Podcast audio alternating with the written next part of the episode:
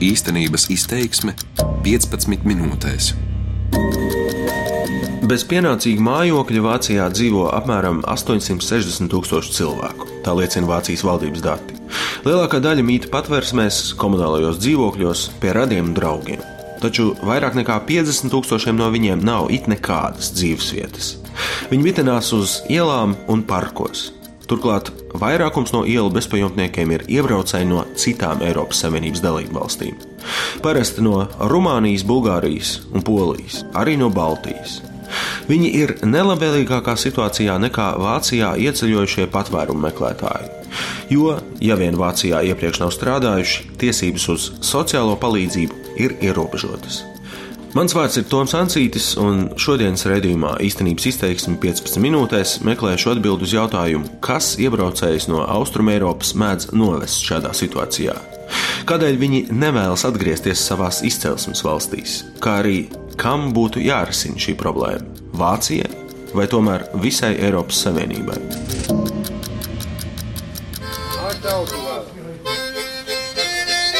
Ja, ja, sehr gut. Das ist für da, das ist für da. Forgebirgstrāses 22. nams ir liela koša balta trīsstāvā ēka kādā nomaļā kvartālā ķelnē. Lai gan pulkstenis jau tuvojas 11. vakarā, ēkas nožogotajā pagalmā vēl valda rosība. Kāds bārdains pusmūža vīrietis puš mutes harmonikas. Līdzās viņam cits plati smaidīdams lēni dejo mūzikas pavadībā. Turpat līdzās Latvijas apspīdēti smēķē un sarunājas vēl vairāk vīriešu.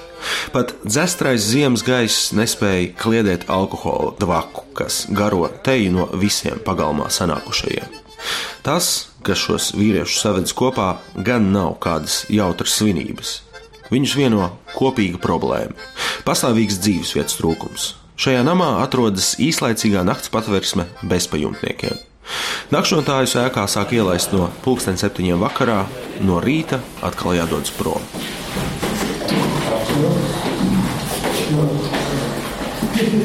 Otra lieta, kas kopīga daudziem šajā namā nakšņojošajiem, viņi Vācijā ir iebraucēji. Vācijas pilsoņi ir apmēram puse no klientiem, tā lēš kāds no iestādes darbiniekiem. Pārējie ieceļotāji no citām zemēm. Pie galda līdzās patversmes reģistrācijas letēji kuru no lieliem termosiem papīra turziņās liedami tēju un kafiju apstājuši vairāk vīrieši, skan dažādas valodas.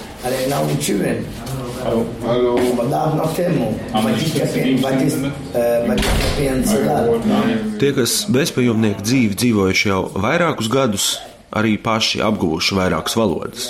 Kā kāds portugālis, kurš runā poliski, franciski, angliski un vāciski. Tomēr nevienā no tām netika labi, lai viņa sacītais būtu īsti saprotams.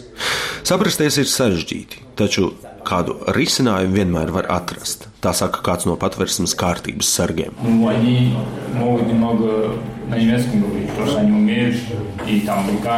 Viņi prot mazliet runāt vāciski, var arī parādīt ar rokām. Ja kaut ko nesaprot, tad draugs atnāk un paskaidro. Nu, tā mēs saprotamies. Sarkis, jauns vīrietis zilā vējā, patversmē nakšņo kopā ar sievu. Gaišmatainu sievieti tērpšos sarkanās sporta kurpēs un svītrotās biksēs. Viņi abi esot Lietuvas pilsoņi, tā stāsta Sarkis. Viņi šeit Vācijā dzīvo jau sešus gadus, es trīs. Mēs te satikāmies, aprecējāmies, piedzima bērniņš. Pirms diviem mēnešiem pazaudējām dzīvokli. Jau tikpat ilgi, pēdējos divus mēnešus, laulātais pāris esot spiests nakšņot patversmē. Jau pirms nonākšanas uz ielas abi bijuši ilgstošie bezdarbnieki, saņēmuši sociālos pabalstus un viņu mājokļa īri sēdzis Vācijas nodarbinātības dienests. Kādas iestādes darbinieces kļūdas dēļ esot izveidojies ap 6000 eiro liels īres parāds, tādēļ abi bez brīdinājuma no dzīvokļa izlikti, tā apgalvo Sarkis. Arī septiņus mēnešus vecās meitas audzināšana viņiem liekta. Bērnu atņēmis sociālais dienests. Tomēr arī tas, kā pašā apgalvo, vien kļūdas pēc. Sarunas turpinājumā gan uzpeld vēl citi fakti un stāsts iegūst citu nokrāsu. Izrādās, Sārkis labi pārzina, kā notiek narkotiku atkarības ārstēšana ar metadonu. Arī patversmē, kā izrādās, jaunais vīrietis nav pirmo reizi. Viņam ir bezpajumtnieka dzīves pieredze arī Viļņā, Berlīnē, Parīzē, Londonā. Vācijā gan, saka Sarkis, esot vislabāk. Šeit pret ikvienu, lai kas arī viņš būtu un kādā situācijā nonācis, attiecoties cieņpilni un kā pret cilvēku.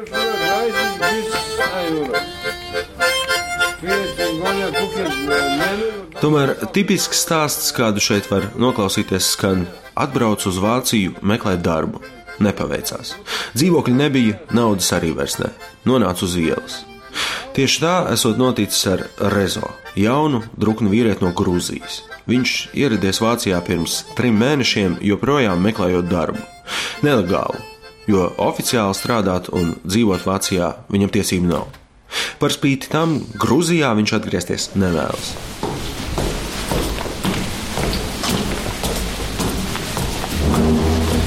Daudzus tam līdzīgus stāstus savā darba mūžā noklausījies arī Andrē Herbsts. Viņš vada Ērika Vikberga namu, pestīšanas armijas organizētu palīdzības centru bezpajumtniekiem.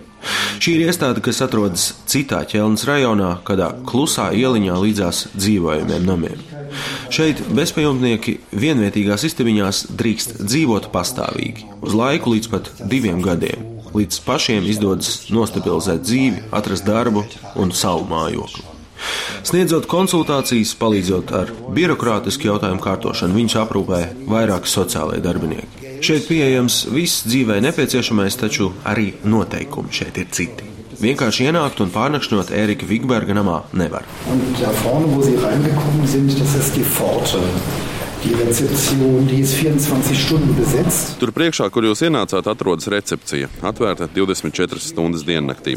Šeit ieradies pie mums vispirms nonāk palīdzības meklētājs. Tad tiek izsaukts sociālais darbinieks un notiek pirmā saruna, lai noskaidrotu, kas vispār cilvēkam noticis. Tā stāsta Andrē Herbsts.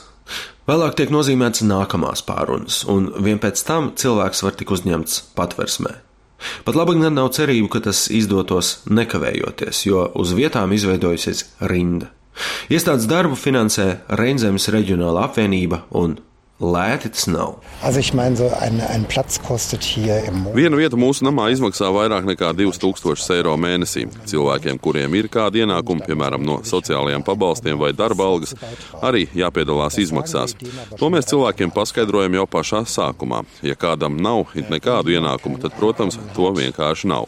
Tad vieta tiek finansēta pilnībā un cilvēks saņem ikmēneša kabatas naudu, aprūpi un higiēnas preces par brīvu. Und so weiter, das kriegen die auch umsonst. Ne? Pēc pilsonības vai izcelsmes valsts uzņemamie šķiroti netiekot.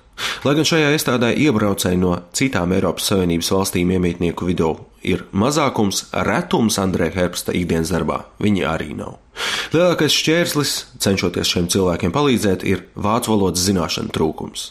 Tas traucē darba meklējumos. Also Rumänen und Bulgaren, mit denen ich mich so auf der Straße unter. Rumāņi un bulgāri, ar kuriem esmu sarunājies, vai vismaz centies sarunāties, jo valodas barjeras dēļ tas nevienmēr ir iespējams, visi stāsta ko līdzīgi. Viņi nākot no nabadzīgiem lauku apgabaliem, auguši trūcīgos apstākļos bez veselības aprūpas pieejamības. Daudziem ir ģimenes locekļi ar veselības problēmām. Savā izcelsmes zemē bijuši bez darba un devušies to meklēt uz Vāciju.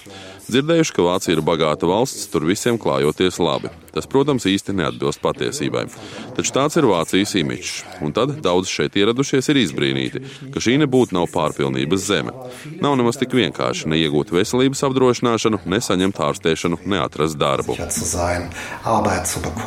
Bezpajumtniekiem, iebraucējiem no citām Eiropas Savienības dalību valstīm, raksturīgs arī tas, ka lielākā daļa no viņiem, ap trim ceturdaļām, lai vai cik spiedīgi būtu viņu sadzīves apstākļi Vācijā, nevēlas atgriezties savās izcelsmes valstīs.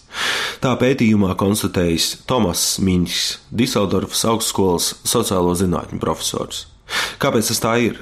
To jautāju Tomansam Miņham. Nun ja, wir, wir dürfen ja nicht vergessen, dass wir eine sehr erfolgreiche Mēs gan nedrīkstam aizmirst, ka mums ir arī ļoti veiksmīga imigrācija no Austrumēropas. Vācijā dzīvo turpat pusmiljons darba tirgū labi integrētu bulgāru un rumāņu - ārsti, medicīnas māsas, inženieri, speciālisti. Un līdzās tam ir neliela, taču publiskās vietās labi pamanāma ļaužu daļa, kuri acīm redzami cietuši neveiksmi. Viņi tomēr nav zaudējuši cerības uz labāku nākotni sev un savām ģimenēm. Ja jūs parunāsiet, piemēram, ar Bulgārijas romiem, kļūst skaidra arī viņu motivācija. Sliktāk, kā viņiem gājas Bulgārijā, Vācijā viņiem vienkārši nevar klāties, lai kādos apstākļos viņi te dzīvotu. Viņi saka, Atšķirībā no mūsu zemes, kur valda kleptokrātiski politiķi, netaisnīga nodokļu sistēma, kur nav nekādas sociālās apdrošināšanas, šeit vismaz pastāv iespēja, ka mums var klāties labāk. Šī motivācija attiecas ne tikai uz bulgāriem, bet uz visiem nabadzīgajiem ieceļotājiem, tik labi no Kongo, Gvinejas, cik no Rumānijas vai Polijas. Mēs esam viena no bagātākajām valstīm pasaulē, viena no nedaudzajām, kurā pastāv pienācīga sociālā apdrošināšana. Turklāt mums ir plaukstošs darba tirgus. Iespēja, ka var klāties labāk. Tā, kā saka Miņķis, ir bez pajumtes dzīvojošo ieceļotāju motivācija. Taču cik tā ir realistiska? vadot dzīvi uz ielas un bez valodas zināšanām. Tas ir cits jautājums. Iebraucēji, kuri darba meklējumos cieši neveiksmi, nepareiza kvalifikācijas profila, pilnīga kvalifikācijas trūkuma, nepiemērota vecuma vai veselības stāvokļa dēļ, cieši neveiksmes līdzīgu iemeslu dēļ, kāda līdz atrast darbu arī vācu ilgstošiem bezdarbniekiem. Taču atšķirība ir tā, ka vācu bezdarbniekiem ir pieeja sociālās apdrošināšanas sistēmai. Tikmēr iebraucējiem no citām Eiropas Savienības valstīm tā pienākas vien pēc noteikta Vācijā nodzīvota laika vai nepienāks vispār. Un tas dara dzīvi grūtu. Manuprāt, tā nedrīkstētu būt, ka mēs no sociālo pabalstu sistēmas izslēdzam citus Eiropas Savienības pilsoņus. Ar nepacietību gaidu, kādi būs Eiropas Savienības tiesas lēmumi šajā jautājumā turpmākajos mēnešos un gados, un vai galu galā beidzot nenonāksim pie tā, ka nāksies ieviest vienotus sociālos standartus visiem Eiropas Savienības pilsoņiem. Vairāk Vācijas pilsētu politikā gan pat labam valda gluži pretējas vēsmas, it sevišķi pēdējos mēnešos. Lai gan lielais ārvalstu izcelsmes bezpajumtnieku īpatsvars nakts patversmēs ir jau gadiem ilgi zināma parādība, tieši šodien vairākas Vācijas pilsētas nākušas klajā ar priekšlikumiem attieksmi pret iebraucējiem padarīt stingrāku. Īres cenu eksplozijas dēļ aug arī vācu bezpajumtnieku skaits. Taču viņiem uz aprūpas pakalpojumiem arvien biežāk nākas sīvi konkurēt ar austrumēropiešiem. Lai uzlabotu pašmāju bezpajumtnieku iespējas, politiķi dažviet cenšas palīdzību austrumēropiešiem iegrožot. Kā pērnvasar ziņoja ķelnes mēdīja, jaudu trūkuma dēļ vairākas aprūpas iestādes slēgušas durvis īpaši austrumēropiešiem. Labdarības organizāciju tīkla Katoļu vīriešu sociālais dienests pārstāve Anke Pata gan Latvijas radio norāda, mediju ziņotais esot pārspīlējums. Viena no tīkla iestādēm pārslodzes dēļ patiesi uz laiku ierobežojusi cilvēku uzņemšanu, bet tas bija īslaicīgi un organizācija ļaudis pēc nacionālitātēm nešķirojot. Par līdzīgiem gadījumiem, kad patversmēs uzņemamie tikuši šķiroti pēc pasēm, ziņojuši arī mediji Hamburgā. Ārvalstnieku pārvaldes darbinieki pat pieprasījuši pamest valsti atsevišķiem bezpajumtniekiem, pamatojoties uz normu, ka citā Eiropas Savienības dalību valstī persona drīkst uzturēties vienu uz laiku līdz trim mēnešiem. Ja nav darba, dzīvesvietas un līdzekļu sevis uzturēšanai, valsts būtu jāpamet. Citu vietu Vācijā spēr radikālus soļus gluži atklāti. Piemēram, Berlīnas Noiķelnes pilsētrajona vadība, sadarbojoties ar labdarības organizāciju Caritas, organizē autobusus ārzemju bezpajumtnieku atpakaļsūtīšanai uz viņu izcelsmes valstīm. Profesors Tomas Minsks gan neuzskata, ka šajos gadījumos būtu vērojams kāds īpašs pagrieziens politikā. Ja, tas Eiropas sociālajā vēsturē tas nav nekas jauns. Jau Kārlis Marks, aprakstot sākotnējo kapitālu uzkrāšanu 16. un 17. gadsimtā, rakstīja par zemi zaudējušiem zemniekiem, kuri bija spiesti meklēt darbu pilsētā.